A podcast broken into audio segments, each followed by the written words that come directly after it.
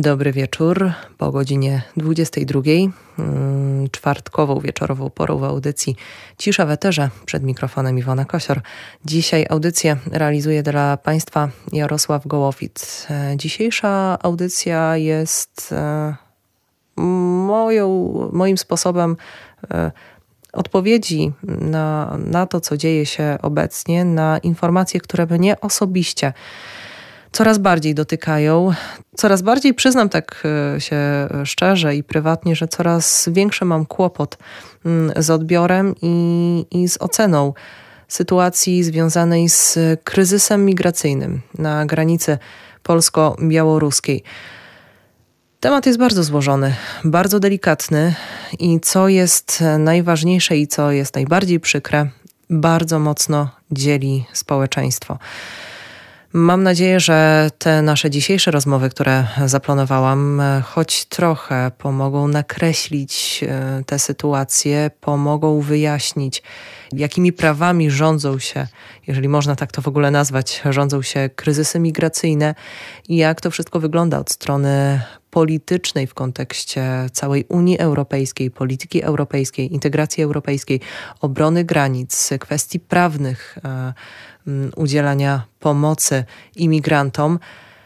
Ale to, na czym też mi jeszcze zależy, to to, żeby powiedzieć jak najwięcej o tym, e, co dzieje się bądź co może się dziać w tym momencie na tym obszarze. A o tym opowie nasz pierwszy gość, Kalina Czwarnuk z Fundacji Ocalenie. Witam serdecznie. Dobry wieczór.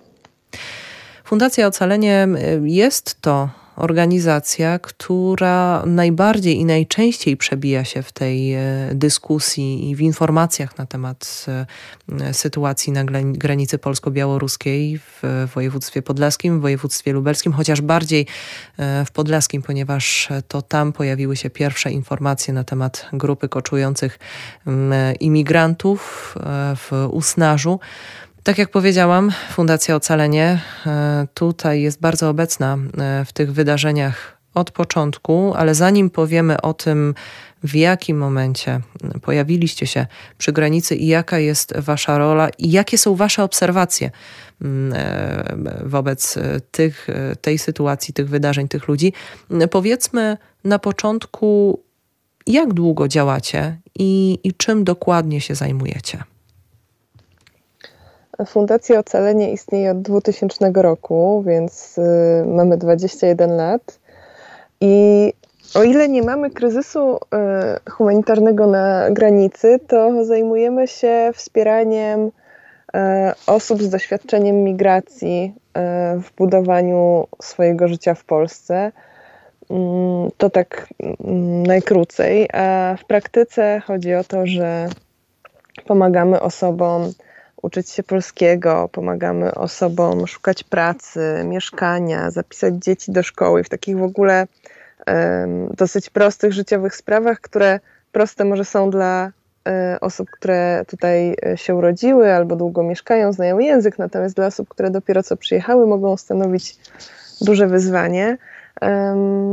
Także pracujemy z uchodźcami, uchodźczyniami, z imigrantami, migrantami, ale też z repatriantami, repatriantkami.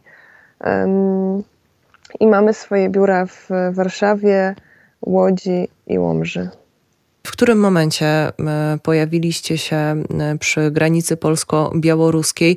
Od e, którego dnia, od którego momentu zaczęły się Wasze działania w tamtym miejscu i, i na czym one polegały wtedy, w tych pierwszych dniach kryzysu? Właściwie od początku wakacji y, słyszeliśmy o tym, że y, pojawiają się przechodzące przez zieloną granicę między Polską a Białorusią osoby um, gdzieś na Podlasiu. Natomiast to były doniesienia o, um, o jeszcze niewielkiej skali tego zjawiska.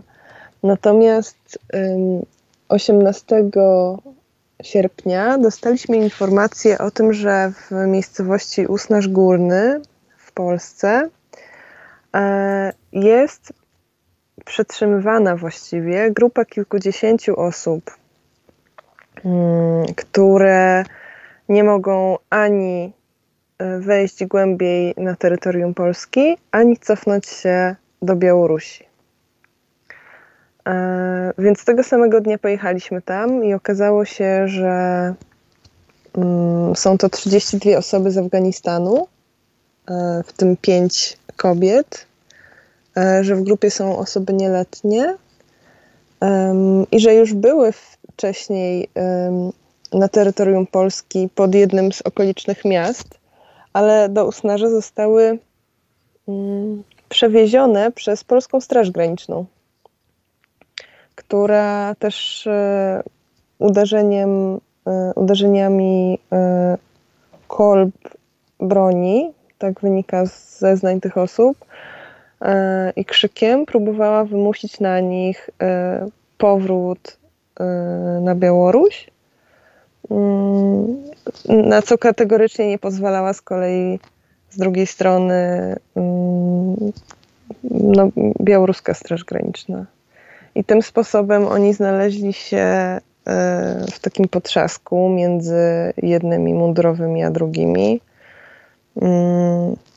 Przy czym tutaj war, warto chyba powiedzieć, że oni nie są na ziemi niczyjej, ponieważ nie ma czegoś takiego e, jak ziemia niczyja. Kiedy jest pokój, to granica przebiega w bardzo konkretnym miejscu i po jednej stronie jest Białoruś, a po drugiej jest Polska. I oni w tej chwili siedzą dokładnie po środku. To znaczy częściowo część namiotów jest po białoruskiej stronie, część po polskiej, natomiast generalnie wtedy, kiedy my przyjechaliśmy, ta grupa była jeszcze bliżej, mm, jeszcze bardziej przesunięta e, na polską stronę. E, dopiero po kilku dniach mm, polscy policjanci kazali mi się przesunąć 5 metrów w stronę białoruską.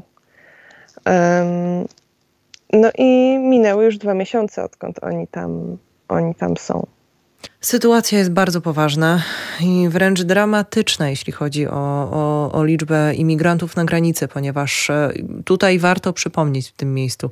W zeszłym roku Straż Graniczna odnotowała e, około no, niecałe 100 prób przekroczenia e, granicy na, po, na granicy polsko-białoruskiej. W tym momencie tylko od sierpnia, czyli w przeciągu dwóch miesięcy, nieco ponad dwóch miesięcy, Straż Graniczna udaremniła ponad 14 tysięcy prób nielegalnego przekroczenia granicy polsko-białoruskiej, więc już tutaj widzimy, że jest to sytuacja.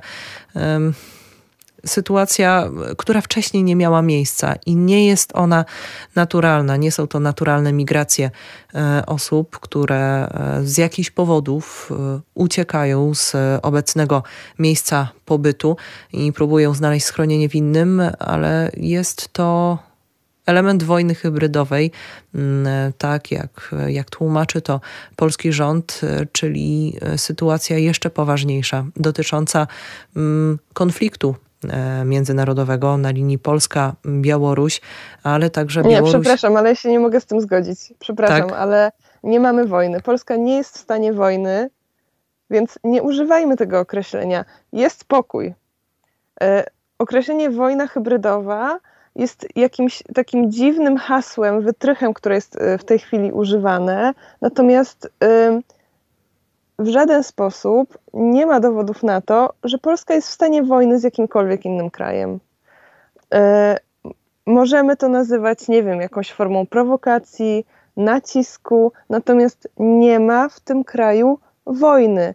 I powtarzane e, tego typu hasło przez e, polityków, a za nimi również dziennikarzy i dziennikarki, jest jest realizowaniem jakiejś strategii straszenia Polek i Polaków e, tym, co się dzieje, natomiast nie ma pokrycia w faktach. Tutaj przyznam szczerze, że, prób, że też e, chciałabym. prób przekroczenia granicy udaremnionych, e, o, o których Pani wspomina, to przypomnijmy, to nie jest liczba osób osoby próbują przekraczać te granice kilkakrotnie, często nawet kilkanaście razy e, i są odwożone z powrotem e, na granicę przez e, Polską Straż Graniczną. Więc 14 tysięcy nie jest liczbą osób jest liczbą prób przekroczenia granicy, które są zupełnie, które się zupełnie ze sobą nie pokrywają. Przez to, że jest wprowadzony stan wyjątkowy, ani, ani organizacje pozarządowe, ani, e, ani dziennikarze, dziennikarki nie mogą śledzić tego, co się dzieje w strefie i nikt, łącznie ze Strażą Graniczną, nie zna tak naprawdę liczb, ile osób próbuje tą granicę lub przekroczyło ją lub próbuje ją przekroczyć. Ponieważ te osoby są nierejestrowane w żaden sposób. W kwestii mm, pojęcia wojny hybrydowej. To jest też pojęcie, którym e, posługują się nie tylko politycy, posługuje się nie tylko rząd, ale także mm, eksperci w dziedzinie obronności, e, naukowcy, którzy zajmują się tym tematem i oni także wskazują na pojęcie wojny hybrydowej, która wykorzystywana jest nie tylko w określaniu mm, tej sytuacji, e, która dotyka bezpośrednio nas, e, Polski, ale także innych konfliktów, zwłaszcza na przestrzeni ostatnich lat. Mm, to może tak. Zostawmy tutaj ten ten temat e, tej kwestii, ponieważ to, na czym mi przede wszystkim zależy w rozmowie z panią, to e, wytłumaczenie naszym słuchaczom, jakiego, czego doświadczacie wy jako organizacja i jak w tym momencie wyglądają próby mm, pomocy właśnie tym osobom na granicy, jakie działania podejmujecie. Pierwsze pytanie, jak teraz wygląda, wyglądają wasze działania i wasza pomoc? Mm, w tej chwili my jesteśmy e, oczywiście poza strefą stanu wyjątkowego, bo nie możemy do niej wjechać. Więc e, przede wszystkim nasze działania skupiają się na tym, żeby docierać z pomocą do osób, które e, w jakiś sposób wyjdą z niej, bo oczywiście większość osób jest znajdowana przez służby jeszcze w strefie, natomiast część część no, ma takie szczęście i udaje im się przez tą strefę przejść i, i znaleźć się poza nią. Mm, wtedy my jesteśmy do tych osób w stanie dotrzeć i udzielić im bardzo podstawowej pomocy, wręcz być może można ją nazwać humanitarną. To znaczy, to jest jedzenie, picie, e, to są ciepłe ubrania, mm, to jest też e, dzięki medykom na granicy także pomoc medyczna, E, ale także e, informacje i pomoc prawna, to znaczy my, my informujemy ich, jakie oni mają prawa w Polsce, e, informujemy osoby, że mogą starać się o ochronę międzynarodową, z czym to się wiąże, w jaki sposób one powinny to zrobić. I jeżeli tylko chcą, to wspieramy je w tym procesie. Wszystkie, wszystkie nasze działania, które podejmujemy, E, są legalne, pomaganie jest legalne, nie jest to związane z żadnym łamaniem prawa, ponieważ, no tak jak powiedziałam, działamy poza strefą. I e, no, jesteśmy, jesteśmy rzeczywiście przez, przez cały czas e, obecni na granicy. Cały czas ktoś z fundacji jest na miejscu, wymieniamy zespoły co kilka dni, ponieważ jest to, jest to praca bardzo ciężka zgłoszenia dostajemy właściwie w dzień i w nocy. Ilu osobom do tej pory udało się Wam e, pomóc? Właśnie takim, o których Pani wspomina, czyli, e, czyli osobom, którym udało się w jakiś sposób e, przedostać na, na teren poza stanem wyjątkowym? Mm, nie wiem, ciężko mi jest dokładnie podać liczby, ponieważ dzisiaj w nocy też były jakieś interwencje. E, więc jeszcze nie jestem zupdate'owana, ale myślę, że to już e, można mówić o setkach. E, niestety dużo więcej zgłoszeń dostajemy ze strefy oraz po pushbacku, czyli z białoruskiej mhm. strony granicy. I tym osobom niestety nie jesteśmy w stanie w żaden sposób pomóc. Mhm. A, jakie są to osoby? Co możemy powiedzieć o tych, z którymi udało się Wam spotkać, udało się Wam e, skontaktować? Jakie są narodowości i jakie są ich historie? No, tutaj nie można generalizować, ponieważ to są bardzo różne osoby. Mhm. Mm, to są osoby zarówno z Syrii, jak i z Iraku, z Jemenu, który jest e, nadal e, w stanie wojny, w którym panuje ogromny głód. Ale to są też osoby z Demokratycznej Republiki Konga, z Kamerunu, z Nigerii, Zdarzają się osoby z Afganistanu. Także każdy z tych ludzi to jest inna historia, inne rzeczy popchnęły ją lub jego do tego, żeby uciekać ze swojego kraju. Natomiast są to także osoby z krajów, z których w normalnych warunkach Polska e, przyjmuje uchodźców. To znaczy,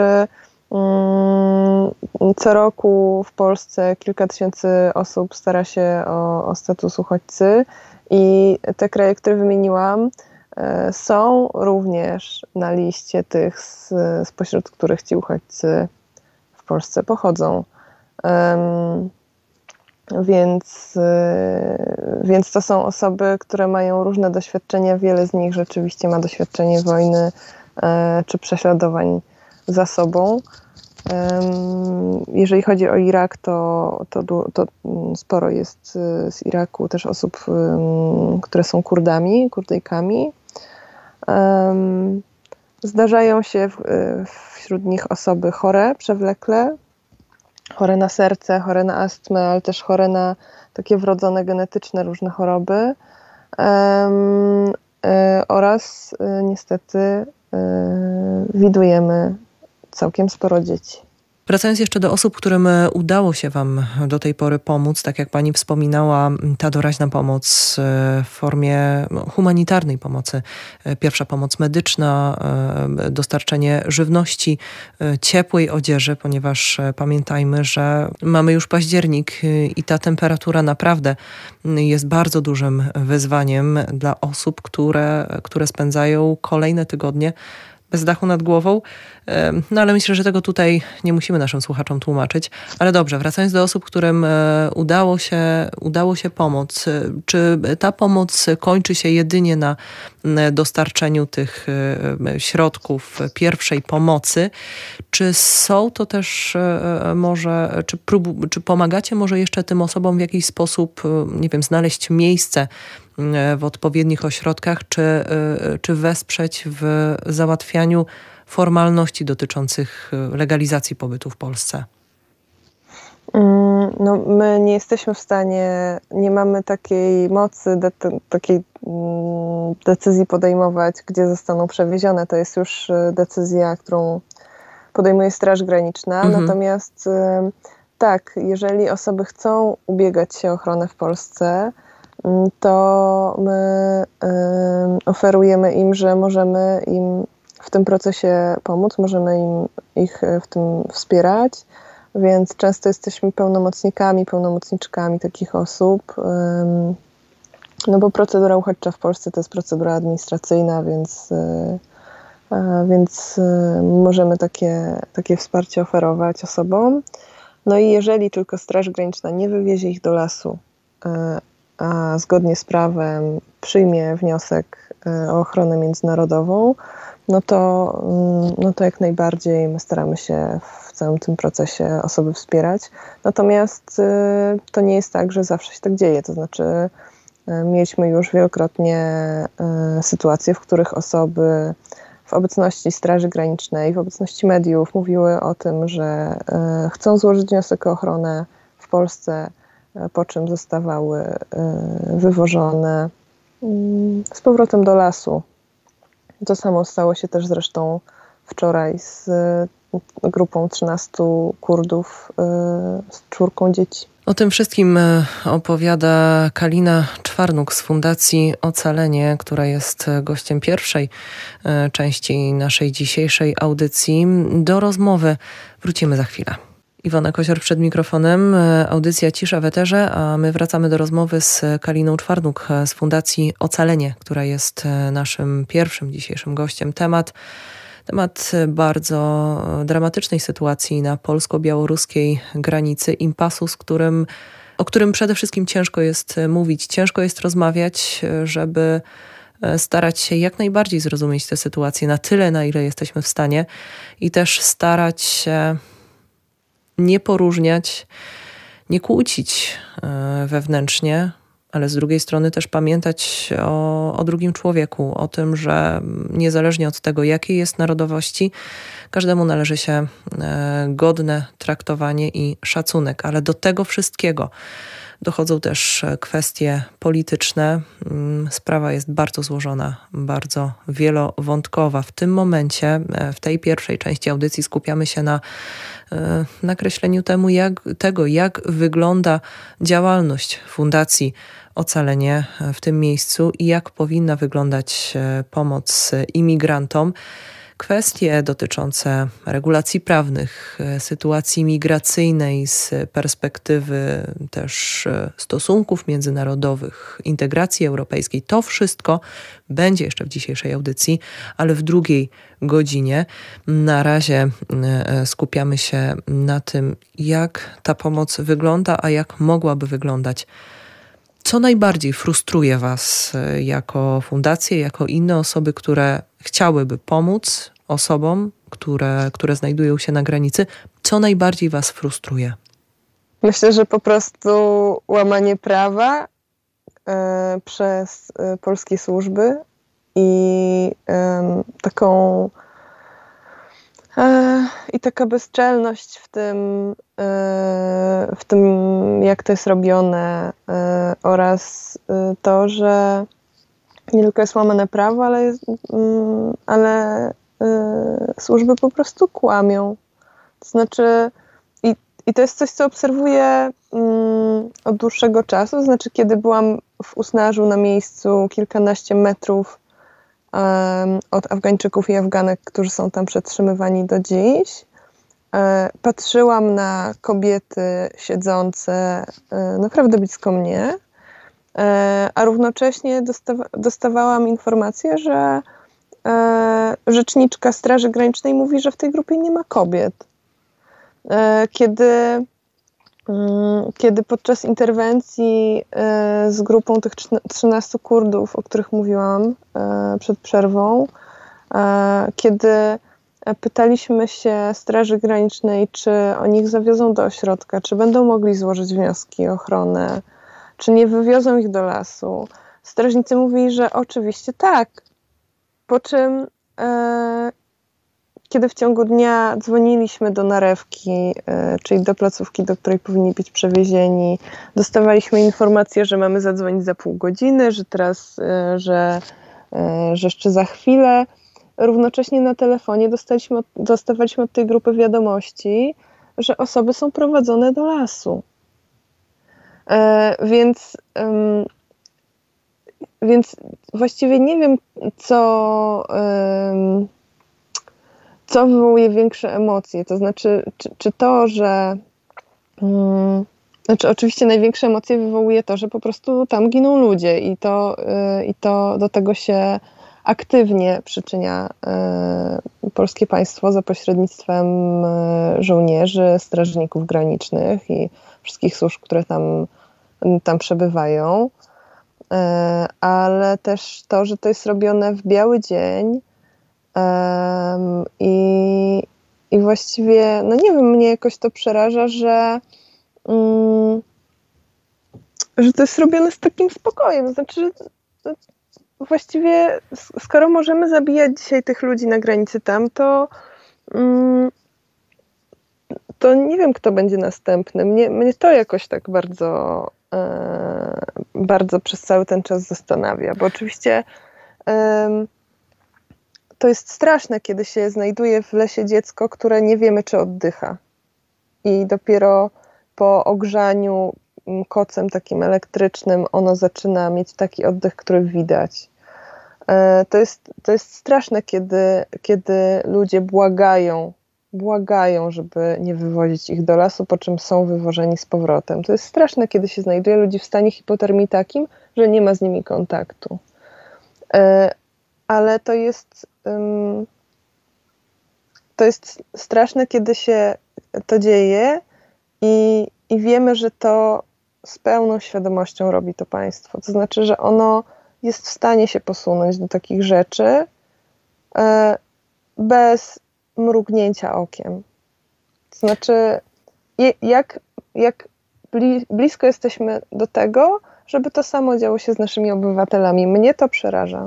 Czy jednak e, oskarżanie wprost o bezlitosne zachowanie e, strażników e, granicznych, o oskarżanie o mordowanie osób na granicy, czy to nie jest jednak na wyrost i nie jest szkodliwe tutaj dla naszej polskiej sytuacji i dla naszego polskiego społeczeństwa? Więc tak, mm, jeżeli chodzi o to, czy my jako kraj, Polska, jesteśmy w stanie przyjąć kilka tysięcy kilkanaście w porywach tysięcy e, uchodźców. E, tutaj odpowiem, że tak, a przynajmniej tak twierdziło, e, tak twierdziła Polska w trakcie, kiedy zaczęła się wojna w Ukrainie. Nasz rząd mówił, że jesteśmy gotowi przyjąć pół miliona uchodźców. Nie wierzę w to, że duży kraj w Unii Europejskiej, 38-milionowe milionowe społeczeństwo, nie byłoby w stanie sobie poradzić z przyjęciem e, kilku tysięcy e, uchodźców, czy kilkunastu. Mm, więc, więc to jest jedna rzecz. Druga rzecz. Nie wierzę w zapewnienia o tym, że wywożenie dzieci do lasu to jest y, zapewnianie nam bezpieczeństwa i że ktoś tutaj cokolwiek kontroluje. Niestety, ale nie wierzę w to, że ta cała operacja ma nam jakiekolwiek tutaj bezpieczeństwo zapewnić, ponieważ nie ma kontroli nad tym, kto, kto tą granicę przekracza, nawet pomimo wprowadzenia stanu wyjątkowego. To jest kolejna rzecz. I jeszcze jedna rzecz jest, e, jest taka, że e, jestem przekonana o tym, że gdyby te osoby były jakimś zagrożeniem, gdyby jakiekolwiek przestępstwo zostało na, na terenie Polski przez te osoby popełnione, to znaczy gdyby była jakakolwiek kradzież, napaść, morderstwo, nie wiem, atak terrorystyczny, to w tej samej chwili e, dowiedzielibyśmy się o tym e, z mediów rządowych ponieważ jest to bardzo. Mm, y, no, bardzo by to podpierało tę narrację, którą, którą się rząd posługuje. Natomiast pomimo tych, załóżmy już te mm, na wyrost te kilkanaście tysięcy osób, nawet, tak? Pomimo tego, że te osoby pojawiały się w Polsce, pojawiają się w Polsce, przebywają, a nawet przez nią przejeżdżają, E, od kilku miesięcy ładnych już e, nie wydarzyło się żadna tego typu niebezpieczna sytuacja. Niebezpieczne sytuacje i śmierć ludzi wydarzyła się, wydarzają się codziennie w lesie e, ze względu na zachowanie polskich służb.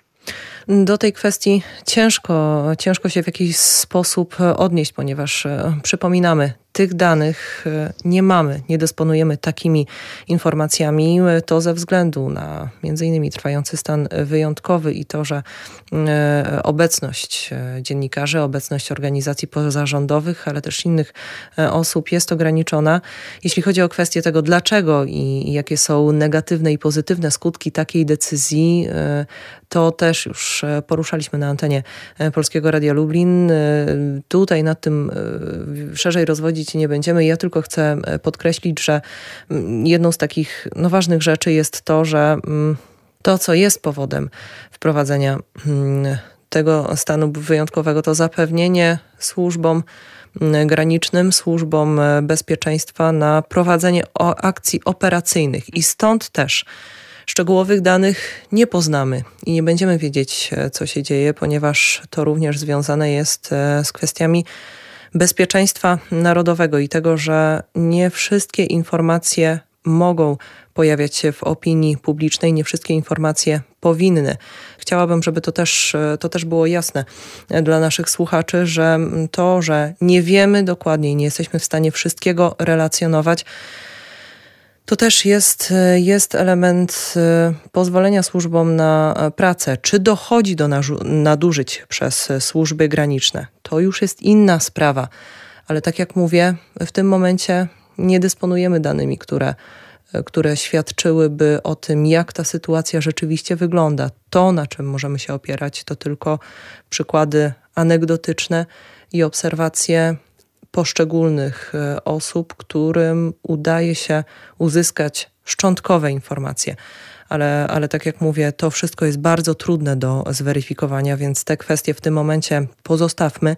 Mm, to, do czego ale chciałabym... tak samo trudne do zweryfikowania i tak samo absolutnie niezweryfikowane były przykłady ciężko mi to nazwać przykładami, ale była cała ta konferencja poprowadzona przez dwóch panów ministrów y, Mariuszy. To znaczy, y, to też były dowody anegdotyczne, a właściwie nie wiem dowody na co, ponieważ to były przykłady jakichś zdjęć, y, które miały osoby, wobec których po prostu jest prowadzone jakieś postępowanie, które nawet nie mają jeszcze żadnych postawionych zarzutów ani potwierdzonych żadnych, nie wiem, nielegalnych działań, więc przepraszam, ale ciężko mi jest się zgodzić z mówieniem o tym, że e, to, co ja mówię, to są dowody anegdotyczne, natomiast służby i państwo tutaj ma jakiś naprawdę potwierdzony interes w tym, żeby e, do publicznej wiadomości nie podawać żadnych faktów.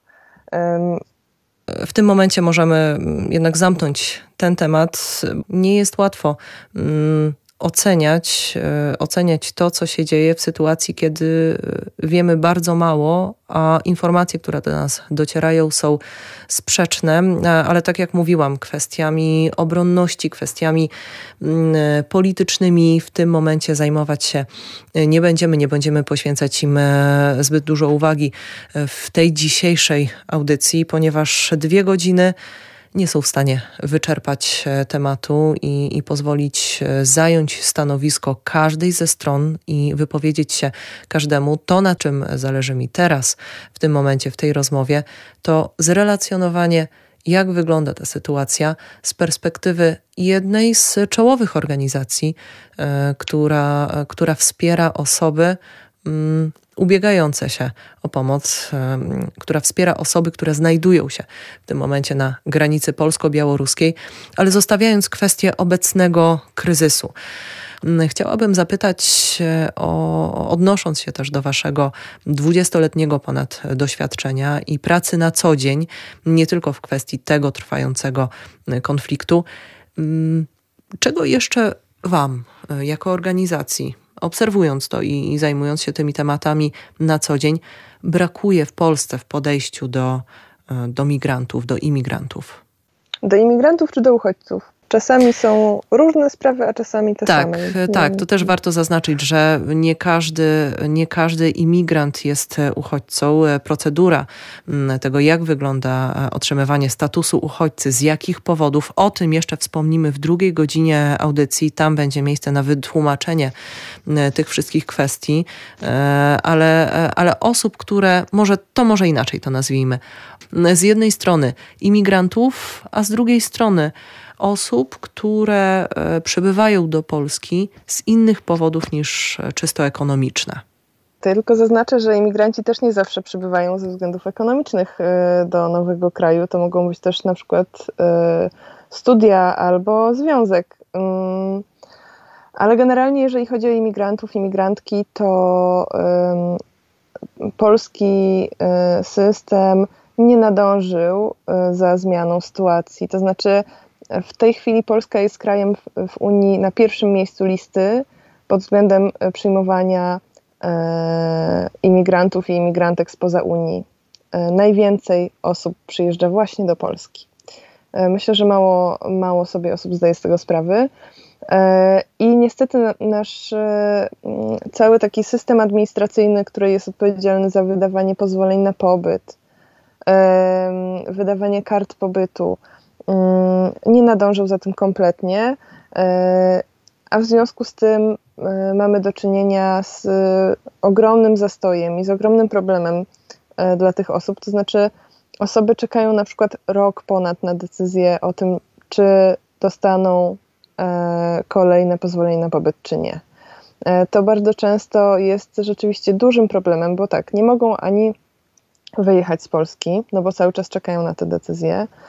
E, nie mogą na przykład zmienić pracy, ponieważ decyzja jest często wydawana na podstawie konkretnej pracy u konkretnego pracodawcy.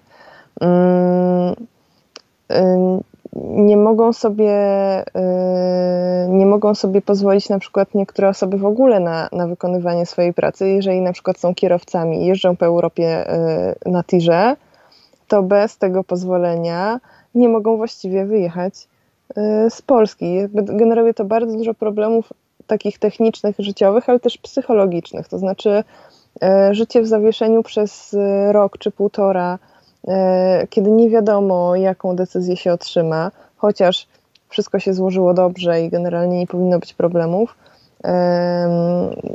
No, to jest, to jest rzeczywiście to jest rzeczywiście bardzo nieprzyjemna sytuacja. No ale niestety no, wojewódzkie urzędy po prostu nie, nie wyrabiają się z liczbami wniosków. Jest to sytuacja powszechna w większości, e, w większości województw. E, a poza tym druga rzecz to jest to, że mm, Polska jako kraj nie ma y, polityki migracyjnej. To dotyczy, ten problem dotyczy zarówno osób, które tutaj przyjeżdżają właśnie jako imigranci, imigrantki, jak i uchodźcy, uchodźczynie, a w związku z tym na przykład dla imigrantów, imigrantek nie ma żadnego publicznego programu integracji. Nie ma, y, nie ma publicznie dostępnych kursów polskiego. To wszystko, wszystko co jest dostępne, jest albo płatne, albo organizowane przez organizacje pozarządowe, które tę lukę mm, próbują jakoś zapełnić. No ale jest nas myślę, że za mało mm, w stosunku do, do potrzeb. To znaczy, e, na początku tego roku e, do nas na kursy polskiego zgłosiło się 4000 osób. My jesteśmy w stanie przyjąć około 400, no może 500 to pokazuje, jak duża jest potrzeba, um, którą powinniśmy jako, jako kraj. To jest w naszym interesie, żeby osoby, które tutaj przyjeżdżają, tak, nauczyły się szybko polskiego, poznały system, kulturę, um, żeby się po prostu zintegrowały z naszym społeczeństwem. To jest w interesie nas wszystkich, żeby to dobrze działało. E, bo wtedy będziemy mogli razem tutaj e, budować jakieś fajne miejsce. Mm, więc, e, więc no, mimo najszczerszych chęci NGOsy nie są w stanie aż tak dużej luki samodzielnie tutaj zapełnić.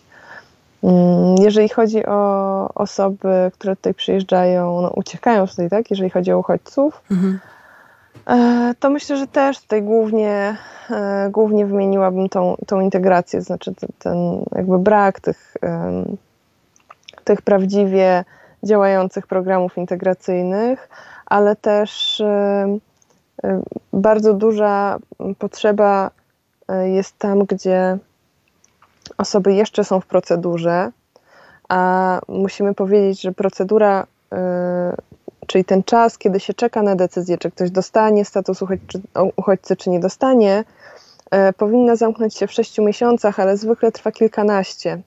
Więc to jest kilkanaście miesięcy, mm, w których osoby no znowu są w takim stanie zawieszenia, nie wiedzą, nie wiedzą, czy zostaną, czy nie zostaną, bo może tutaj słuchacze, słuchaczki nie wiedzą, ale tylko kilka procent y, osób które składają wnioski, rzeczywiście dostają status uchodźcy.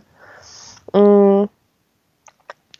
I przez ten czas y, nie jest prowadzona żadna, mm, nie, nie są jakby prowadzone w ośrodkach żadne programy właśnie takie integracyjne, żeby trochę ludzi nauczyć, gdzie są. Nie wiem, jak że na przykład jeżeli chcesz kupić jogurt, to nie idź do delikatesów, tylko idź do Biedronki, bo w Biedronce jest taniej. Żeby nie wydać tego całego kieszonkowego pod tytułem 50 zł miesięcznie e, na dwie rzeczy w sklepie. E, żeby na przykład opowiadać o tym, mm, dlaczego są zamknięte sklepy 1 listopada albo 11. E, żeby opowiadać o tym, jak wygląda e, zapisywanie dziecka do szkoły i czego się wymaga od dziecka w polskiej szkole. Czyli na przykład, że jest u nas muzyka, że jest u nas WF, e, który jest koedukacyjny na przykład. O takich rzeczach jakby w ogóle nie ma czegoś takiego jak oprowadzanie trochę po Polsce.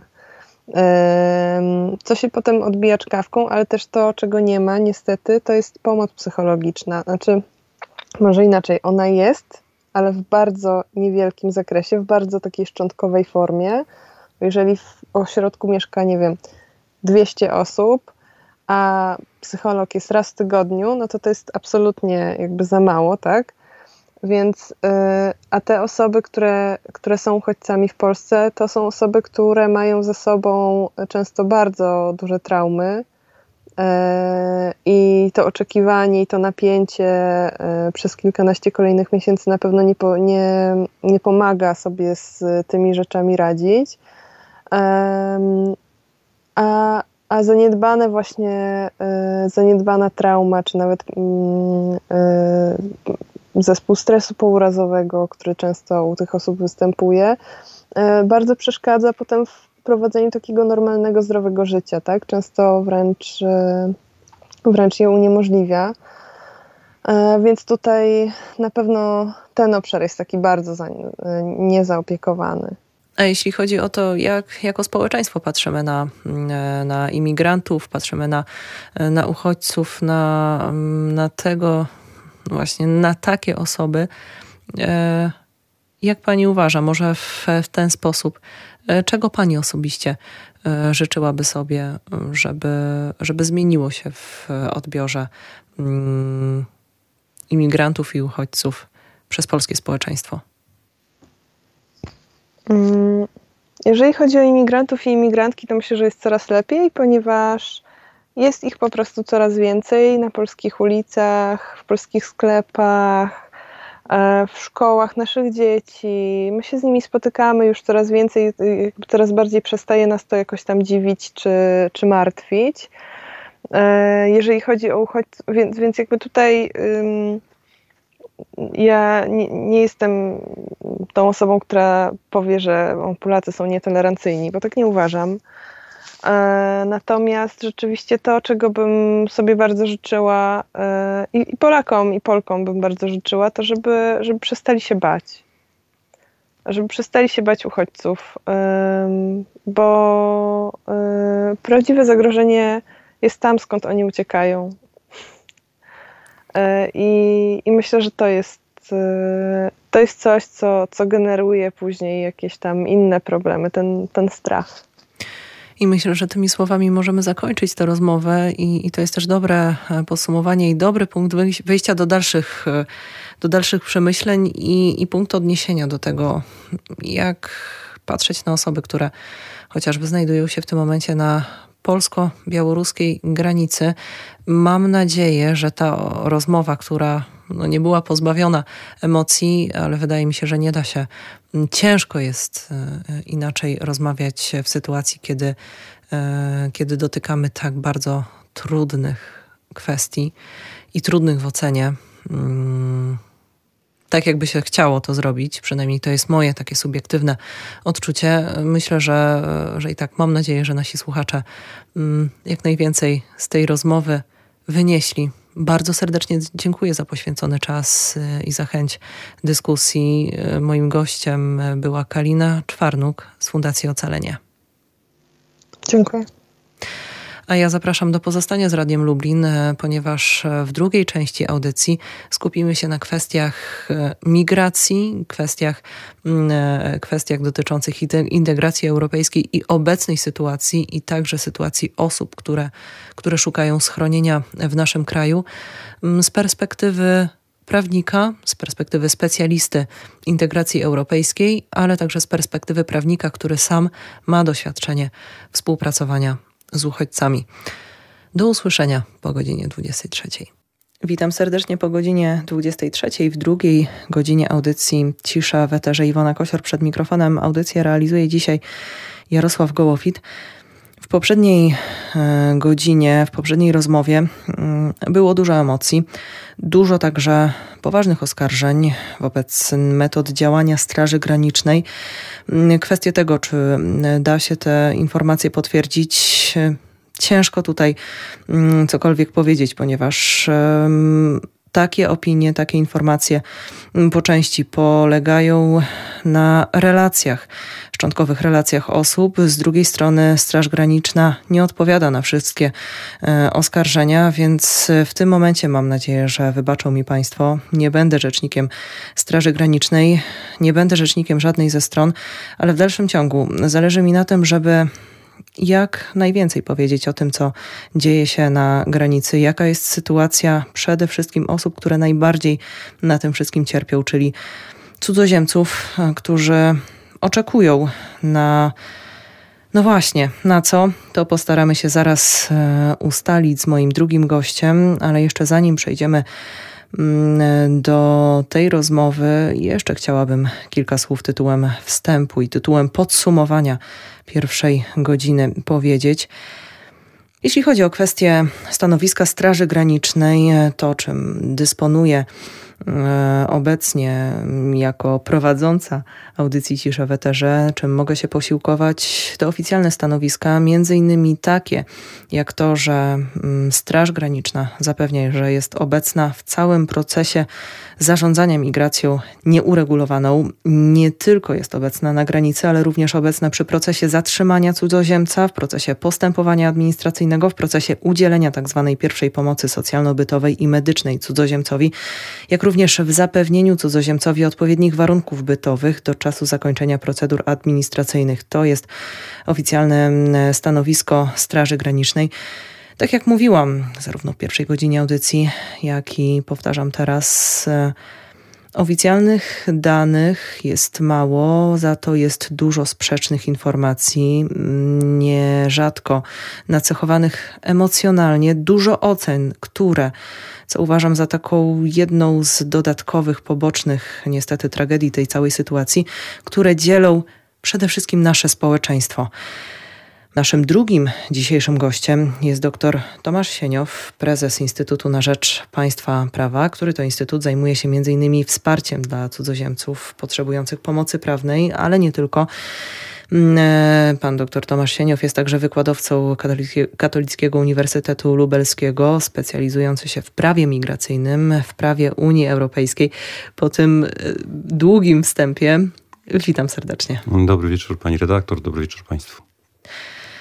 Zanim e, zajmiemy się e, tematem próbą oceny sytuacji na granicy polsko-białoruskiej, a co za tym idzie, także mm, e, informacjami, próbą przybliżenia naszym słuchaczom tego, jak wygląda sytuacja imigrantów, sytuacja osób, które które przeżywają podobne Mm, podobne problemy, podobne kłopoty jak te osoby, które w tym momencie e, koczują na polsko-białoruskiej granicy. Najpierw jednak kusi mnie, żeby zadać e, jedno e, pytanie, które staram się w zasadzie zadawać każdemu, z kim rozmawiam na, na ten temat, na temat tej sytuacji i tego, w jaki sposób mm, te informacje o kryzysie na granicy do nas docierają.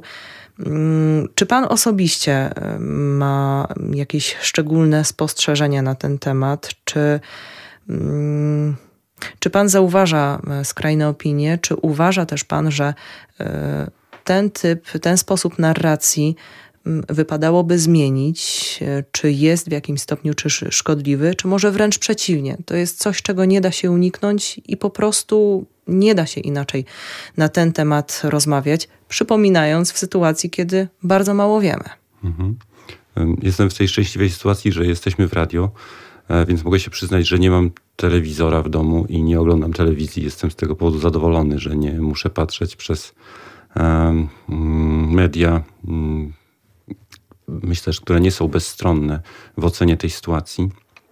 I myślę, że przez to E, dlatego myślę, że mm, jest, e, jest sporo niezrozumienia zjawiska migracji, tego co się dzieje na granicy i myślę, że jest bardzo dużo emocji, które są w dużej mierze uzasadnione, bo, bo dzieją się tam duże tragedie ludzkie, ale także jest jakiś e, konflikt międzynarodowy, który jest wywołany i sterowany zewnętrznie. Natomiast e, docierają do mnie takie informacje i relacje, które e, pozwalają mi powiedzieć, że rzeczywiście e, warto byłoby spojrzeć na tę sytuację na chłodno. Na chłodno, czyli w jaki sposób? Myślę, że bardzo często stawia się kwestię ochrony granicy jako e, coś, czego nie da się pogodzić z udzielaniem ochrony e, osobom szukającym pomocy, ochrony międzynarodowej czy azylu, mówiąc w skrócie. I im dłużej e, o tym myślę, tym, tym bardziej uważam, że nie jest to prawdziwe że można zrobić dużo więcej, aby, aby zarówno zapewnić ochronę granicy, jak i zapewnić dostęp do procedur i ochrony międzynarodowej osobom, które tego potrzebują. No właśnie, i tutaj pojawia się e, też, może proszę mi wybaczyć, e, taki trochę obrazowy, może za bardzo zaczepne, za bardzo zaczepne porównanie, mm, no ale staram się tutaj użyć argumentów zarówno nie wiem, czy można mówić też o jednej czy drugiej stronie sporu, ale można zauważyć, że e, no jednak e, w tej całej dyskusji na temat e, sytuacji przebijają się z jednej strony głosy zwolenników decyzji, decyzji państwa, decyzji rządowych, jak i przeciwników. Czy w takim razie podejmowane działania to jest znieczulica na tragedię ludzi na granicy, czy konieczność i ja tutaj nie wymagam od Pana decyzji tak albo nie. Mhm. Dobrze. Powiem, że udostępnienie e, migrantom ścieżek dostępu do, do, do ochrony jest, jest ważne. Dlatego e, patrząc na to, co się dzieje na granicy, trzeba pamiętać, że ta granica jest właściwie zamknięta od marca 2020 roku dla ruchu dostępnego osobom, które nie jeżdżą samochodami czy nie latają samolotami. I y, nie ma połączeń kolejowych, nie działają przejścia piesze, więc y, jakakolwiek próba dotarcia do polskiego terytorium przez osoby, które nie dysponują własnym samochodem, czy y, no, własnym samochodem, mm, kończy się niepowodzeniem. I mm, przez to miejscem, w którym cudzoziemcy starają się uzyskać dostęp do naszego terytorium, to jest często zielona granica. Nie tylko bagna czy lasy podlaskie, ale coraz częściej jest to także rzeka Bóg tutaj na naszym lubelskim odcinku. I mm, mm, to jest, to jest to, z czym, z czym musimy się, się mierzyć. Czy to jest wszystko da się jakoś pogodzić? E, myślę, że można zrobić więcej, żeby więcej osób e, uchronić przed tymi zagrożeniami, które czekają w, w tej chwili e, jesienią czy zimą na, na bagnach podlaskich. Mm, jeśli chodzi o, o, to, co dzieje się na granicy, myślę, że to jest najlepszy moment, żeby e, postarać się wyłuskać jak najwięcej e, informacji, jak najwięcej tych faktów, które jesteśmy w stanie ustalić. Przede wszystkim, kim są ludzie koczujący na granicy. Mhm. Mm, ja reprezentuję organizację, która e, dociera do osób, którym już się udało przejść e, i złożyły wnioski o udzielenie ochrony międzynarodowej lub zostały zatrzymane e, we wcześniejszym etapie przed, myślę, że gdzieś około 8 sierpnia, kiedy jeszcze większość z tych osób po przekroczeniu polskiej granicy było zatrzymywanych i umieszczanych w strzeżonych ośrodkach. Więc te osoby są bardzo różne i mają bardzo różne historie, przyjeżdżają z bardzo różnych krajów pochodzenia. E, rzeczywiście wśród tych osób w tamtym czasie e, największą grupę chyba stanowili Afgańczycy, ale równie dużą, byli, e, równie dużą grupą byli Kurdowie, Iraccy, są także Syryjczycy, Jemeńczycy, Tadżycy, mm, nie, nieliczna grupa Czeczenów, są, są osoby z Afryki i, i z Kuby, więc naprawdę mm, trudno mówić tutaj o jednej specyficznej grupie, która, która dotarła do, e, do polskiego terytorium, do polskich granic. E, jedno, co łączy te osoby, to jest to, że uznały one, że nie są w stanie dalej mieszkać w kraju, w którym, z którego uciekają. I, i w każdym indywidualnym przypadku należałoby spojrzeć na historię tej osoby i zbadać, czy, czy te powody są powodami, które e, usprawiedliwiają decyzję o nielegalnym przekroczeniu granicy, czy nie. I my chcielibyśmy pomagać cudzoziemcom w tym, żeby mieli szansę udowodnić, że dokonali tego czynu niezgodnego z prawem e, z uzasadnionych przyczyn. A co jest największą barierą e, w tego typu pomocy? Mhm. No oczywiście zostawiając już tutaj kwestię tego, że e, część tych osób nie ma fizycznie jak dostać się na tereny, w których mogłyby się e, ubiegać o mhm. pomoc prawną. Jeżeli chodzi o pomoc z naszej strony, z największą barierą to jest to, że osoby te po zatrzymaniu są jednak izolowane w jakiejś mierze. Na początku mają kwarantanny, często są zatrzymywane w ośrodkach e, strzeżonych prowadzonych przez Straż Graniczną. E, celem prowadzenia tych postępowań administracyjnych, o których pani redaktor wspominała, i w tych miejscach e, nie jest łatwo do nich dotrzeć, bo, bo to oni pierwsi docierają do nas. Po pierwsze, nie zawsze znają język, nie zawsze e, mówią po polsku, czy po angielsku, czy po rosyjsku, bo w tych językach łatwo się porozumiewamy.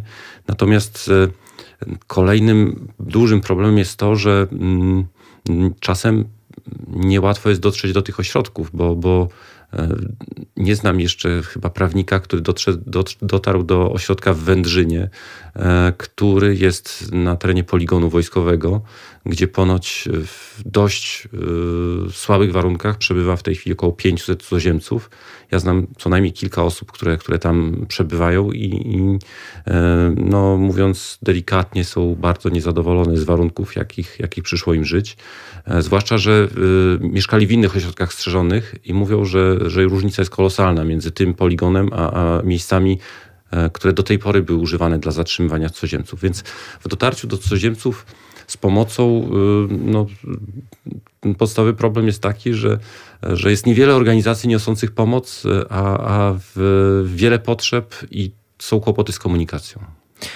A jeśli chodzi o sytuację e, tych osób, które, e, które w tym momencie oczekują na granicy polsko-białoruskiej, w tych, no właśnie, w tym e, pasie zielonej granicy, czyli mhm. przypominamy, w miejscach, w których to przekroczenie granicy jest nielegalne. Mhm.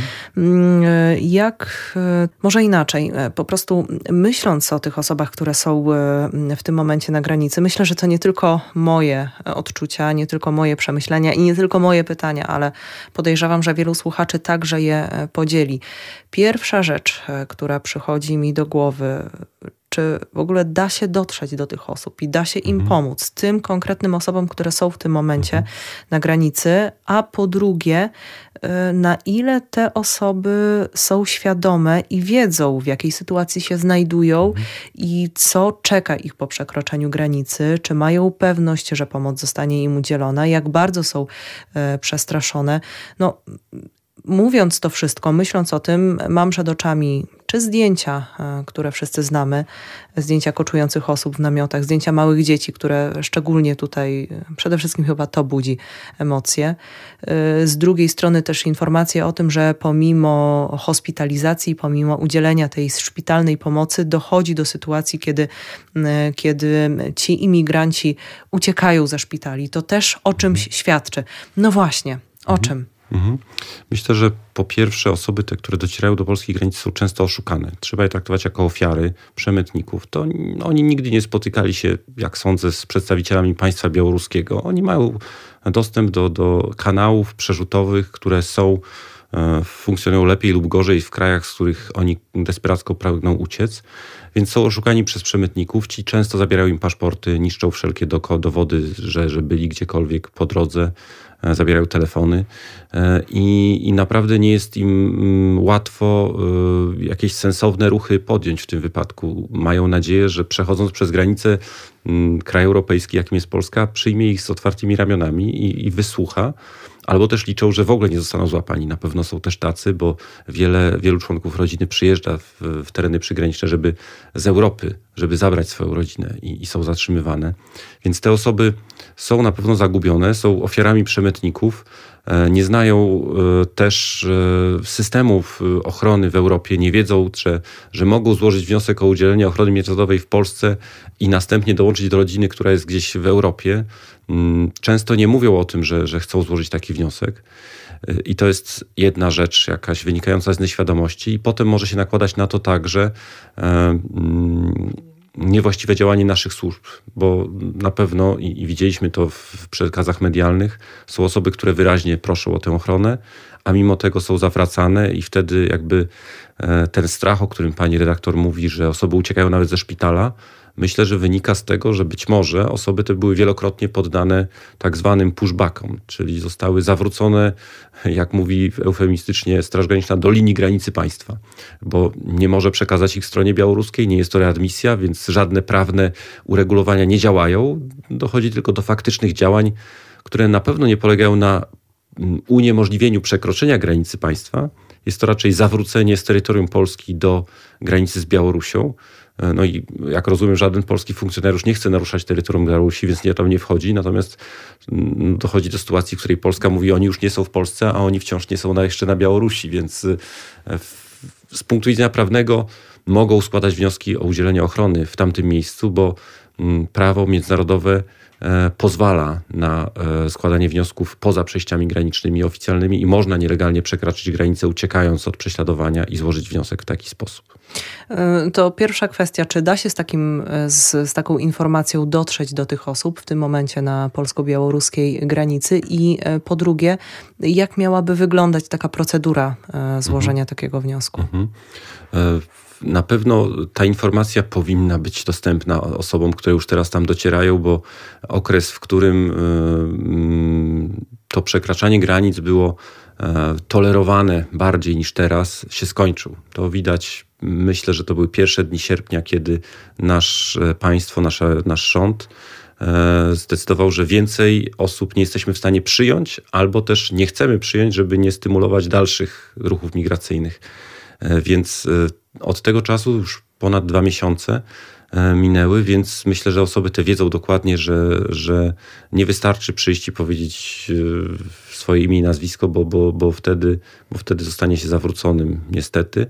E, że trzeba wyraźnie deklarować ubieganie się o ochronę i jak słyszę, mimo to nie jest to gwarancja, że zostanie się przyjętym jak pomóc tym osobom. No, gdyby istniały proste i jasne, przejrzyste procedury i jakiś nadzór ze strony niezależnych instytucji nad procedurą przyjmowania tych wniosków, można by było powiedzieć, że, e, że ktoś może to monitorować, ale w tej chwili nikt tego nie monitoruje. No i dodatkowo e, pewnie tę sytuację utrudnia e, kwestia e, obowiązywania stanu wyjątkowego w tym pasie przygranicznym. Jak informuje też Straż Graniczna od początku ogłoszenia stanu wyjątkowego, czyli mm, od początku września, prawie od początku września, mm, wydano ponad tysiąc zezwoleń na wjazd do strefy objętej ograniczeniami. Jak, jeśli w ogóle jest Pan w stanie ocenić, e, czy to jest dużo, czy to jest mało? nie wiem, jakie są powody wydania tych pozwoleń. Może to jest udział w uroczystościach rodzinnych, mhm. religijnych, weselach, e, w chrzcinach, bo takie są wyjątki, które, które, można, które można się powoływać. Ja powiem, że prawnik z naszej organizacji chciał przyjechać do e, placówki w Krynkach, żeby zapoznać się z aktami i odmówiono mu tego dostępu, mimo że wykonują swoją pracę. Umożliwiono mu dostęp do tych akt w innym miejscu, poza strefą. Natomiast inna placówka mm, powiedziała, że nie ma problemu, wykonuje pan swoje obowiązki, zapraszamy. Mimo, że jest dokładnie w tej samej strefie, w innym miejscu, więc e, na pewno ten stan wyjątkowy, stan nadzwyczajny nie jest e, sprawą łatwą do stosowania nawet przez samych funkcjonariuszy i żołnierzy. E, I mm, myślę, że w, nie do końca jesteśmy w stanie powiedzieć, co się dzieje w tej, w tej strefie, a relacje przekazywane przez media od osób, E, napotykanych przez jakichś dziennikarzy, którzy, którzy mówią, czasem przekazują drastyczne informacje o znajdowaniu bardzo głodnych ludzi, czy też e, płaczu dzieci, czy też obawach o, o, o znajdowanie w przyszłości osób, które nie zdołały przejść przez granicę i, i zmarły na granicy. No te, te wszystkie relacje w tej chwili możemy tylko traktować jako, jako jakieś pogłoski i mam nadzieję, że zostaną kiedyś sprawdzone i, i zweryfikowane. Um, czy taka sytuacja, mm, jak to, o czym teraz słuchamy, czym tak naprawdę żyjemy, mm, może to zabrzmi trochę brutalnie, ale czy to jest e, coś, co dzieje się na porządku dziennym, czy jednak e, jest to e, jakaś nowość i, i zjawisko, które na tej granicy polskiej jest jednak nowością na tak szeroką skalę? Nowością jest to, że nie jesteśmy w stanie współpracować z funkcjonariuszami białoruskimi, bo do tej pory, jeżeli czy to między Polską a Białorusią, czy Polską i Rosją, albo Polską i Ukrainą dochodziło do nielegalnego przekraczania granicy, istniały procedury przekazywania natychmiastowego takiej osoby w miejscu przekroczenia granicy zgodnie z przepisami chyba że osoba ta wystąpiła o udzielenie ochrony. E, w tej chwili służby białoruskie w ogóle zaprzeczają, że ktokolwiek przeszedł przez ich, przez ich granicę, mówiąc, że nikt nie przechodził. No i to jest e, ten problem.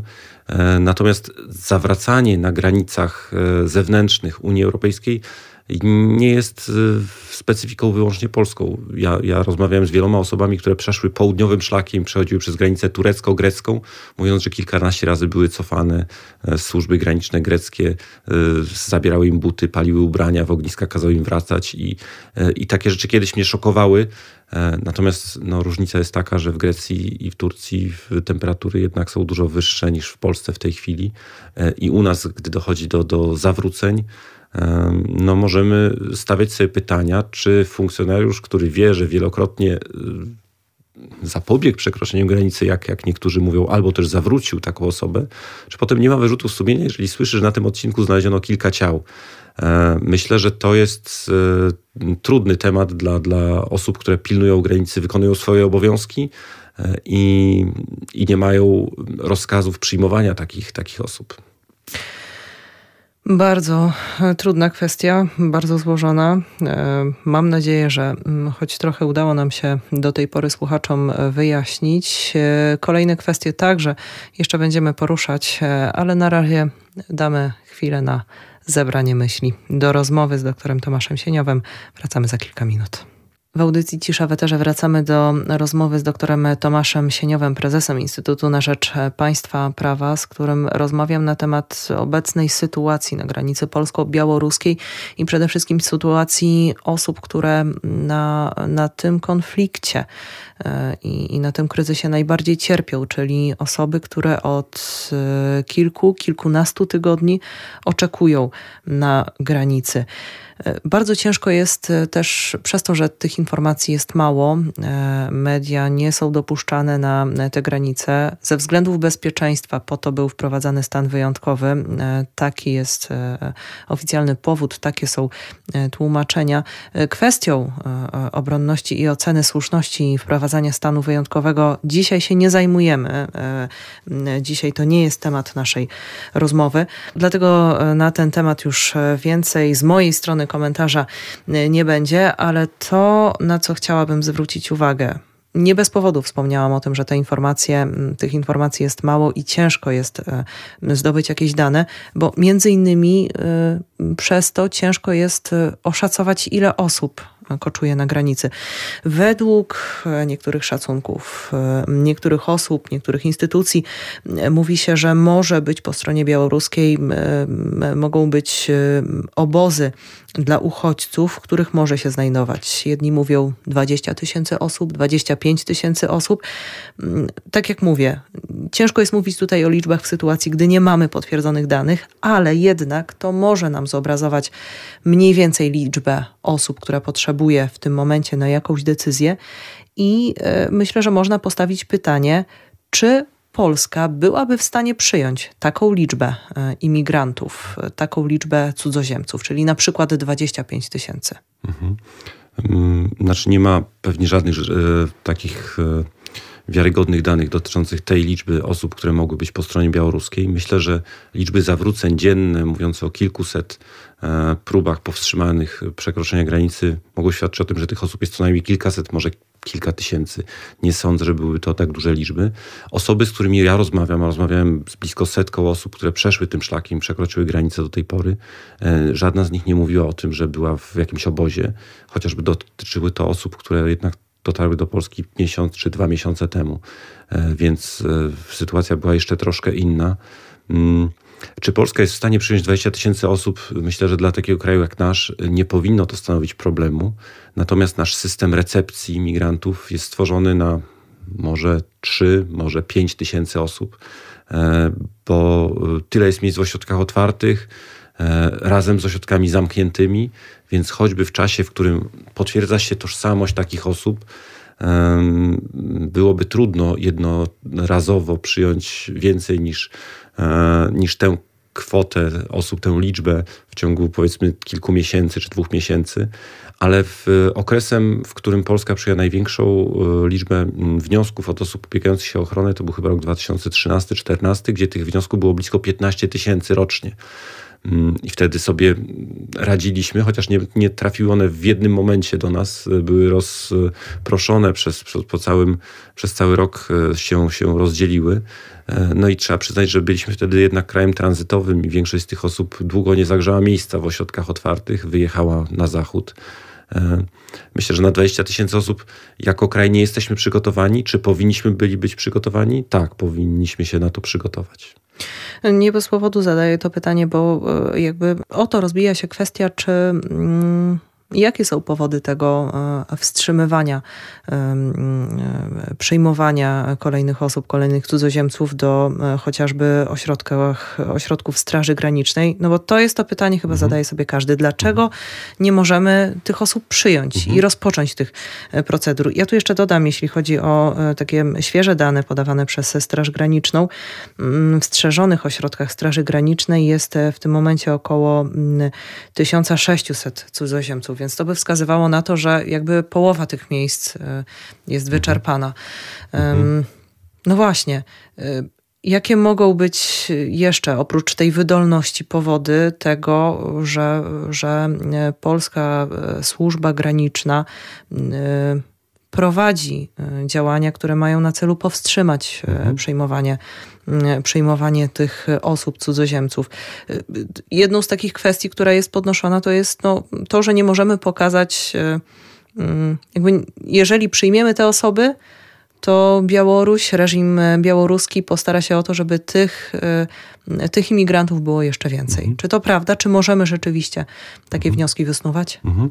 Powiem o dwóch sprawach. Pierwsza to jest ta liczba osób w tej chwili zatrzymanych 1600 i to, że mamy jeszcze rezerwy E, być może mamy rezerwy, natomiast e, nasz system przygotowany był na, no myślę, że kilkaset do tysiąca osób maksymalnie. Przyjmowania i zatrzymywania tych osób w strzeżonych ośrodkach. Potem były miejsca w ośrodkach otwartych, więc e, obecnie Straż Graniczna posiłkuje się bardzo prowizorycznymi i nie gwarantującymi mm, standardów przewidzianych w rozporządzeniu ministra spraw wewnętrznych warun- mm, ośrodkach, w których nie ma warunków na, na, na przyjmowanie tak dużej liczby osób. Nie ma personelu, który by obsługiwał tak dużą liczbę osób. Trzeba powiedzieć, że w każdej z takich spraw toczy się postępowanie administracyjne i cudzoziemiec, który jest zatrzymany, powinien bez zwłoki e, realizować pewne działania, które dotyczą jego sytuacji prawnej, a ze względu na brak tłumaczy, brak personelu, E, którego nie było, nie ma przeszkolnego personelu. E, nie jesteśmy w stanie przeprowadzić procedur mm, identyfikacyjnych, deportacyjnych, jeżeli miały być deportacje, ale także przede wszystkim azylowych. Mm, więc mowa o tym, że, że mamy e, jeszcze sporo miejsc, według mnie powinna być zweryfikowana z wizytą studyjną w ośrodku w Wędrzynie. To jest ten poligon, gdzie znajdują się cudzoziemcy. Z tego co wiem, tam naprawdę y, przy tych 500 osobach obecnie nie ma warunków na to, żeby przyjmować cokolwiek więcej. Dwa komputery na wszystkich y, cudzoziemców to nie jest wystarczający mm, sposób kontaktu ze światem. Myślę, że, że gdyby stworzyć ośrodek na 2000 osób w Polsce, e, to e, nie ma tylu funkcjonariuszy, którzy mogliby obsłużyć ten ośrodek. To musiały być jakieś oddziały wojskowe, nie znające się na specyfice pracy z migrantami. E, I to samo w sobie jest naruszeniem praw migrantów. Więc to jest ta pierwsza rzecz, że, że nie jesteśmy w stanie z powodów braku możliwości recepcji tych osób. Nie, nie przyjmujemy tych wniosków. Drugi, yy, drugi powód, o którym pani redaktor wspomniała, to jest to, że rzeczywiście, yy, jak mówią politycy, pokazanie światu zewnętrznemu, że tak, wszyscy przyjdą, będzie oznaczało to, że stanie się to bardzo popularny kierunek, bo jest on jeden z tańszych kierunków i dla migrantów wydaje się bezpieczniejszym, bo nie trzeba płynąć przez Morze Śródziemne, nie, nie, być może nie, e, nie mieszkać w jakichś terenach, gdzie objętych przez, skontrolowanych przez grupy mm, przestępcze, e, tak jak w Libii czy, czy, czy w, w krajach Afryki Północnej. E, często bywa naprawdę bardzo trudno tym osobom i padają one ofiarami przestępców. W tym wypadku trasa przez Białoruś jawi się jako trasa w miarę bezpieczna i tania. I, I, myślę, że gdyby do tego doszło to, że skuteczna, tego obawia się nasz rząd, to moglibyśmy nie powstrzymać tej fali, która, która do nas dotrze. Jest pytanie, czy jeszcze w tej chwili jesteśmy w stanie ją powstrzymać bez znalezienia rozwiązań razem z władzami białoruskimi, bo bez tej współpracy myślę, że żaden mur nie powstrzyma migrantów.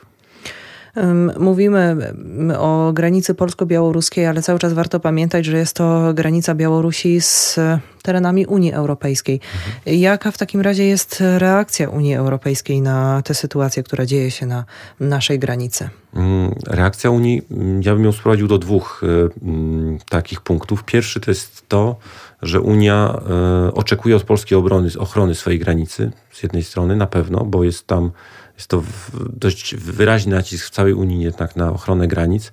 Z drugiej strony myślę, że przebija się w tym wypadku za każdym razem głos e, innych agent unijnych, które mówią o tym, że przy tym trzeba zapewnić prawo dostępu do e, procedur azylowych, które nie jest w Polsce łatwe do zrealizowania ze względu na no, brak systemu recepcji na przykład, a także to, że co myśmy zbadali w grudniu zeszłego roku, na całej granicy polsko-białoruskiej placówki Straży Granicznej dysponowały tylko pięcioma skanerami do E, przyjmowania linii papilarnych od osób wnioskujących o ochronę, czyli dwie trzecie placówek nie mogło przyjmować tych wniosków w sposób taki elektroniczny, więc e, nie byliśmy także jakby infrastrukturalnie przygotowani na to, co się stało a ta e, przekraczanie granic dzieje się dokładnie od roku. Pierwsze przekroczenie granicy w taki sposób i zdjęcie ochrony granicznej nastąpiło w pierwszych dniach października 2020 roku. Od tej pory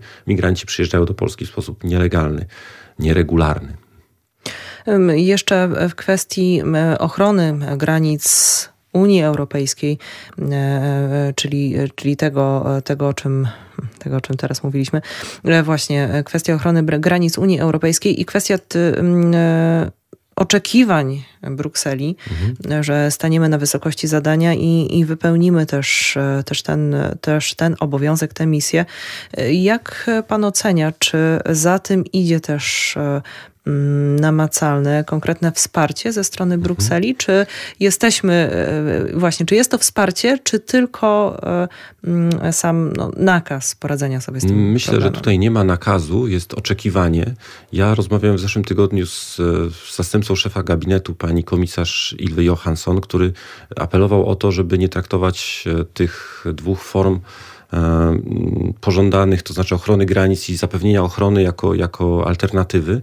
E, on deklarował, że Unia Europejska rzeczywiście jest w stanie taką pomoc skierować, natomiast e, to polski rząd raczej o tę pomoc nie prosi, bo e, jak słyszałem w pierwszych dniach tego zaostrzonego kryzysu granicznego, polskie władze powiedziały, że sobie poradzimy, zupełnie nie potrzebujemy niczyjej pomocy. Nie potrzebujemy pomocy funkcjonariuszy Frontexu. To akurat możliwe, że tak jest, ale myślę, że jednej rzeczy nie powinniśmy byli odmawiać, to znaczy pomocy funkcjonariuszy migracyjnych, którzy są w stanie prowadzić procedury azylowe. Polscy funkcjonariusze Urzędu do Spraw Cudzoziemców e, urzędnicy jeżdżą na Maltę, do Włoch, do Grecji i wspierają tam swoich kolegów z tamtych krajów, kiedy jest wzmożony napływ migrantów i przyjmują od nich, wnioski w językach, którymi władają. E, jednym z powodów, dla których w tej chwili mm, ten kryzys jest także rozciągnięty na, na całe terytorium kraju, gdzie są migranci, jest to, że nie jesteśmy w stanie szybko tych wniosków przerobić, mówiąc kolokwialnie, bo nie mamy tylu specjalistów, którzy się tym zajmują. Urząd do Spraw Cudzoziemców rekrutuje urzędników, którzy to, tym się zajmą, natomiast będą to świeże osoby, które się na tym nie znają, a w Europie mamy pewnie tysiące, jeżeli nie może setki e, osób, które są dostępne i tłumaczy, którzy władają językiem dari, czy językiem kurdyjskim, czy językiem arabskim, którzy mogliby pomagać w przyjmowaniu takich wniosków i ich szybkim procedowaniu. Tego brakuje i myślę, że gdyby e, na pewno nie jest tak, że Bruksela nam każe chronić granic, a, a niczym nie, nie służy. Urząd, Europejski Urząd Wsparcia Azylowego jest gotowy, według mnie, żeby przysłać tutaj i pośredniczyć w przekazaniu e, urzędników, którzy pomogliby nam rozwiązać ten kryzys. Gdyby ta liczba nie była kilkaset wniosków miesięcznie, tylko powiedzmy kilka tysięcy. Teraz jeszcze e, tak myślę sobie, e, tutaj już w zasadzie wprowadzając inny, inny wątek, coś o czym zapomniałam na początku naszej rozmowy, a myślę, że też e, przydałoby się, e, czy przydałoby, należy się to e, naszym słuchaczom też pokrótce wyjaśnienie, mm, na czym polega ubieganie się o status uchodźcy, mhm. o azyl, bo to też, to też ma znaczenie, bo mhm. jakby przywykliśmy już posługiwać się określeniami mhm. poszczególnymi, ale chyba też nie do końca rozumiemy, jakie są różnice I, mhm. i, i myślę, myślę, że też liczby w, w tym temacie e, też wiele mogą zobrazować, jak, jak dużo osób e, otrzymuje status uchodźcy, jak dużo takich wniosków jest odrzucanych. Mhm. E, Polska jest specyficznym krajem, gdzie status uchodźcy nie oznacza azylu. To są dwie odrębne instytucje i tam, gdzie na całym świecie osoba mówi, że szuka azylu, powinno to w Polsce być rozumiane jako ubieganie się o, o uznanie za uchodźcę. My czasem mm, uważamy, czy udajemy, że nie rozumiemy tego i mówimy, azyl to jest coś związanego z, z daniem ochrony ze względu na nasz interes naszego kraju i to są tylko osoby, które dla nas pracowały e, ze względu na nasze jakieś korzyści, wydajemy naszym szpiegom azyl, czy osobom, które mogą, mogą e, pracować dla polskiego rządu. Takich osób nie ma na granicy, bo one inaczej docierają do naszego kraju. Zresztą to jest jednostkowe przypadki rocznie. Ochrona międzynarodowa i status uchodźcy to są instytucje, które e, funkcjonują w ramach Unii Europejskiej. E, na całym świecie zresztą status uchodźcy jest przyznawany przez państwa e, sygnatariusze konwencji genewskiej osobom, które uciekając przed prześladowaniem, przed uzasadnioną obawą przed prześladowaniem w kraju pochodzenia, robią to ze względu na prześladowania wynikające z pięciu przesłanek: rasy, narodowości, religii, przekonań politycznych lub też przynależności do określonej grupy społecznej. Ten ostatni y, punkt, ta ostatnia kategoria jest dość pojemna. Może dotyczyć prześladowania kobiet w krajach muzułmańskich, niektórych, gdzie kobiety są traktowane przedmiotowo. Mm, być może prześladowania y, dzieci, jeżeli jest polityka jednego dziecka w Chinach, kiedyś tak było. Prześladowana osób o innej orientacji seksualnej w krajach, w których y, z tego tytułu z tym wiążą się poważne kary, włącznie z karą śmierci. Takie osoby mogą powoływać się na to, że przynależą do takiej grupy społecznej, która akurat jest prześladowana w danym kraju. E, no i Polska oczywiście od 30 lat też udziela ochrony takim osobom, e, przyznając status uchodźcy, a od niedawna, także będąc w Unii, poszerza ten zakres ochrony także na osoby, które nie mogą wykazać się tym, że te prześladowania mają związek z powodami konwencyjnymi, z konwencji genewskiej, ale też są osobami, które w wypadku powrotu do kraju pochodzenia mogą e, liczyć się z mm, ryzykiem poniesienia, z rzeczywistym ryzykiem poniesienia, poniesienia poważnej krzywdy. Także osoba, która nie jest politycznie zaangażowana, narodowościowo różna, ale ucieka z miejsca, gdzie jest wojna, nie musi udowadniać, że jest z innej rasy, czy innej narodowości, czy innej religii. Po prostu ze względu na konflikt, który w sposób niedyskryminujący dotyczy wszystkich, ta osoba ta osoba może powołać się na, na potrzebę udzielenia ochrony i powinna ją uzyskać. Mam nadzieję, że teraz już, już ten obraz jest e, uzupełniony i, i, słuchacze e, też jeszcze bardziej rozumieją e, tę sytuację osób, które, które ubiegają się o ochronę w naszym kraju. Podsumowując naszą rozmowę, na koniec chciałabym poprosić może o takie. Hmm,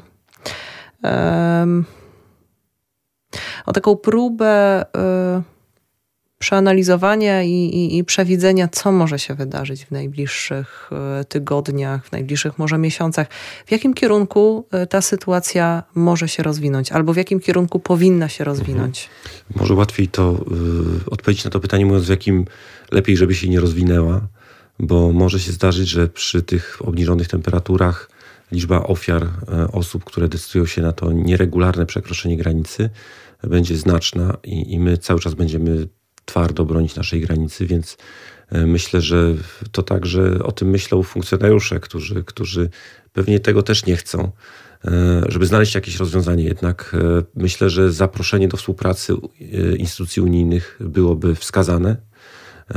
Znalezienie sposobu na mm, procesowanie tych, procedowanie tych wniosków, które są składane, przez osoby, które rzeczywiście tego, tego oczekują i, i o to wyraźnie proszą. Myślę, że W innych krajach tworzono coś w rodzaju hotspotów, takich punktów, gdzie, gdzie urzędnicy w innych państw mogli wspierać naszych funkcjonariuszy czy urzędników w badaniu tych wniosków. E, no, myślę, że byłoby to skuteczniejszą metodą humanitarnego rozwiązania problemu niż zbudowanie wielkiego muru niebezpiecznego dla wszystkich, który zresztą też nie będzie skuteczny. Dojdzie do tego tylko, że e, sama migracja i, i będzie dużo droższa i przemytnicy zarobią dużo więcej pieniędzy, a my, osób, które rzeczywiście w desperacji uciekają przed prześladowaniem, nie powstrzymamy przed podjęciem ryzyka. Te osoby będą ryzykować e, i, i myślę, że mogą się napotkać na nasz opór i, i formalne odepchnięcie, a możemy mm, jednak traktować każdy przypadek indywidualnie. Więc to, jeżeli jak powinno być, myślę, że trzeba przyjrzeć się historii każdej z tych osób, która, która przyjeżdża i, i mówi, że prosi o ochronę, bo inaczej, zawracając taką osobę bez badania jej historii, no, uczestniczymy w, w czynieniu krzywdy tej osobie. I, i, I, myślę, że odpowiedzialność ta spada na nas jako na państwo, że nie wysłuchaliśmy przyczyn tych osób, dla których uciekają, przyczyn, dla których uciekają osób, które, które zawracamy do linii granicy, czy też wydalamy, czy deportujemy. I tymi słowami e, zakończymy tę dzisiejszą rozmowę i dzisiejszą audycję, ponieważ nieubłaganie zbliża się północ. Bardzo serdecznie dziękuję za spotkanie, dziękuję za rozmowę. E, naszym drugim gościem był dr Tomasz Sieniow, prezes Instytutu na Rzecz Państwa Prawa, instytutu, który między innymi zajmuje się wsparciem dla cudzoziemców potrzebujących pomocy prawnej, a także wykładowca Katolickiego Uniwersytetu Lubelskiego, specjalizującego się między innymi w prawie migracyjnym. Bardzo serdecznie dziękuję. Dziękuję bardzo i dobranoc. I ja również dziękuję Państwu za uwagę. Przed mikrofonem Iwona Kosior. Audycję realizował dzisiaj Jarosław Gołofit. Pozostało mi życzyć Państwu spokojnej głowy, dobrych przemyśleń po dzisiejszej audycji, zrozumienia sytuacji, empatii i spokojnej nocy. Do usłyszenia za tydzień.